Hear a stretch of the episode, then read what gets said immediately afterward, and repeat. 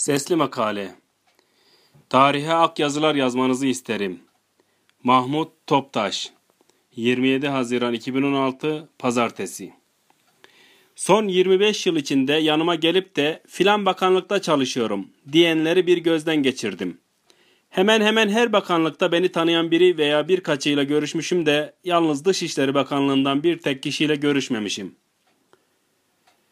Dışişleri Bakanlığı'nı televizyonlara çıkan emekli büyükelçilerinden tanıyorum. 1974 yıllarında Lyon'da Fahri Konsolos'un biz Türk işçilerine yaptığı zulümlerden biliyorum. Bir de yine bir emekli büyükelçi olan İsmail Berduk Olgaçay'ın yazdığı Tasmalı Çekirge isimli hatırat kitabından nasıl seçildiklerini, nasıl tayin edildiklerini, nasıl yönlendirildiklerini okudum.'' Televizyonlara çıkanların onda dokuzunun da CHP'li olduğunu görüyoruz. Bugünlerde İsrail'le girişilen ama dönüşü olmayan bir yola girildiğini muvafık ve muhalif basın yayın organlarından öğreniyorum. Karşılıklı elçi atamaları olsun, elçi alçak koltuğa oturtulsun, bilemem belki monşerler için o durum şeref bile sayılırdır ama sakın NATO'ya alınmasına evet denilmesin.'' Milyarlarca dolarlık ticaret hacmi geliştirilsin, milyarlarca zararımız da olsun ama aman ha aman NATO'ya girmesine izin verilmesin. Turizm geliştirilsin diyorsanız onu da yapın ama NATO'ya katılmasına göz bile kırpmayın. Size söyleyemediğimiz ama ülkemizin yararına olan birçok konu birçok konuda Onların da bize taahhütleri oldu savunmaları geçersizdir. Siyonistleri Rabbimiz bize tanıtıyor.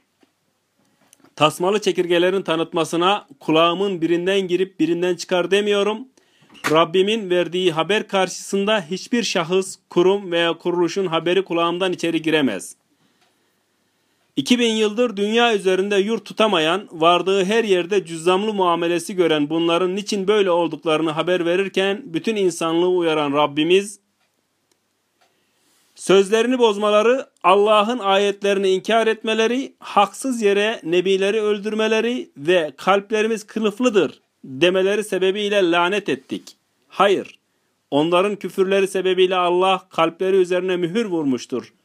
Onlardan ancak çok azı iman ederler. Bir de inkar etmeleri ve Meryem'e büyük iftira yapmaları sebebiyle lanet ettik. Allah'ın Resulü Meryem oğlu İsa'yı öldürdük demeleri sebebiyle onları lanetledik.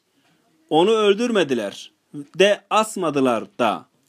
Ancak onlara benzetildi. Onun hakkında ihtilaf edenler şüphe içindedirler. Zanna uymaktan başka onların hiçbir bilgisi yoktur. Onu yakinen kesin öldürmediler.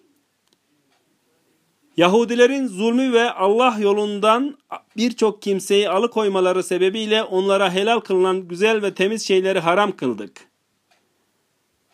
Yasaklandığı halde faiz almaları ve batıl yollardan insanların mallarını yemeleri sebebiyle de haram kıldık, kafirler için acıklı bir azap hazırladık diyor.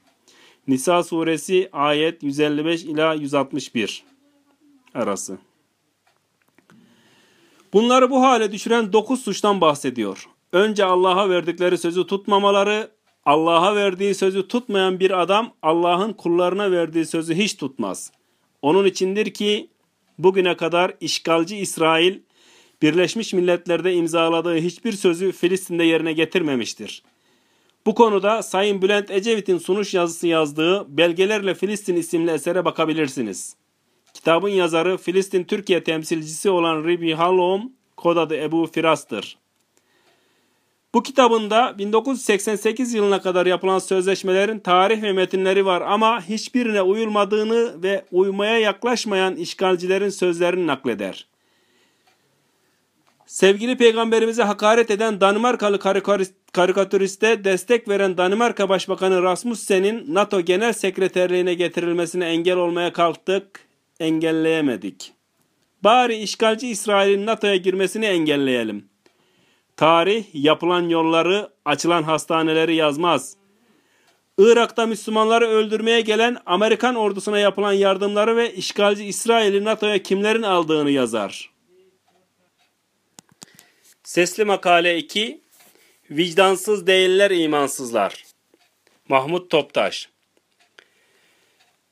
Kızının veya oğlunun gözleri önünde dövülen, yerlerde sürüklenen, elleri iplerle bağlandıktan sonra gözleri bağlanarak bilinmez bir yere götürülen ve bir daha haber alınamayan babanın gidişinden sonra evlerinden çıkarılan, çıkmamakta direnen anneyi kurşun yağmuruna tutan İsrail askerlerinin vahşetini dehşetler içinde korku, nefret, tekmelenme ve titreme ile gözetleyen çocuklar, belirli bir yaşa gelince babasının gidişini, annesinin öldürülüşünü her hatırlamasında hiçbir şey yapamamanın çaresizliğini Rabbine arz etmek için Mescid-i Aksa'ya girmek istediğinde yaşın 45 değil diyerek geri çevrildiğinde bedeninin tamamını bomba yapıp hiç değilse birkaç Siyonisti yok ettiğinde geride bıraktığı yeni evini dahi yerle bir eden Siyonist mantığını hala anlamamakta ısrar edenlerimiz bunları mantıksız, mantıksızlıkla suçlayarak suçun bataklığını gizlemeye yardım ediyor.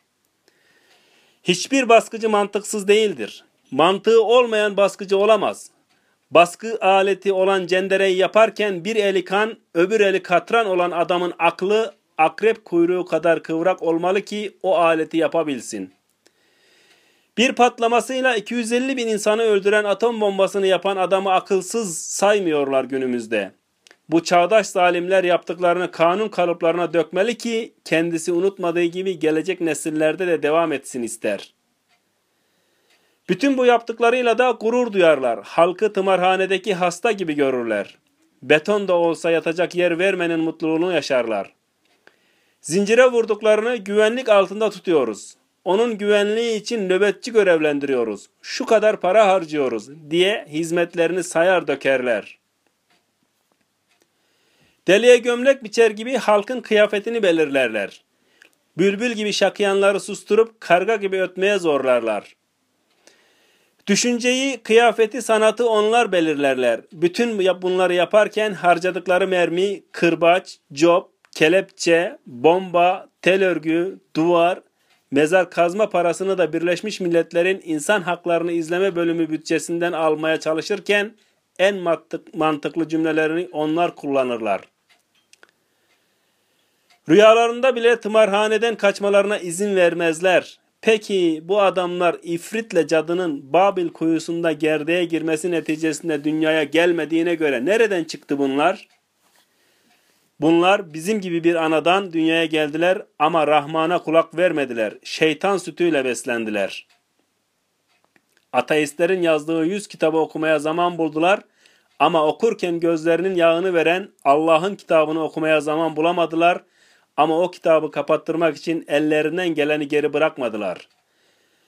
Bu özellikler yalnız Siyonistlere özel değildir.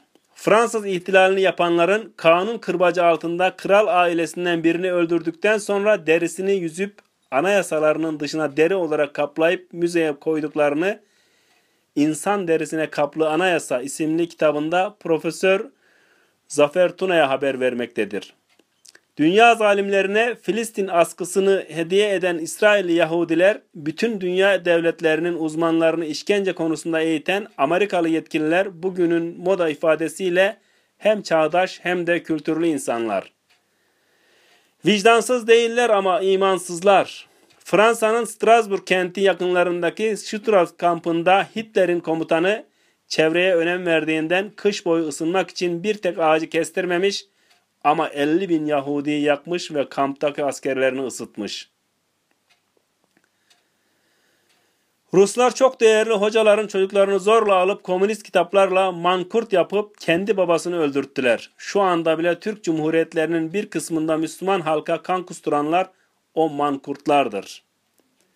Sonunda kurt üreten yünün önce kendi yendiği, kendisi yendiği, delik deşik edildiği gibi zalimler kendi zulümlerinde boğuldular.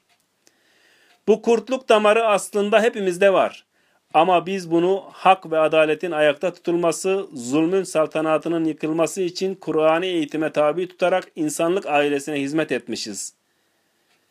Müslüman da Kafir de can ve kan taşır. Aralarında birini adil, öbürünü zalim yapan şey Rahman'ın vahyine gönül açmak ile şeytanın sütüne ağız açmaktır.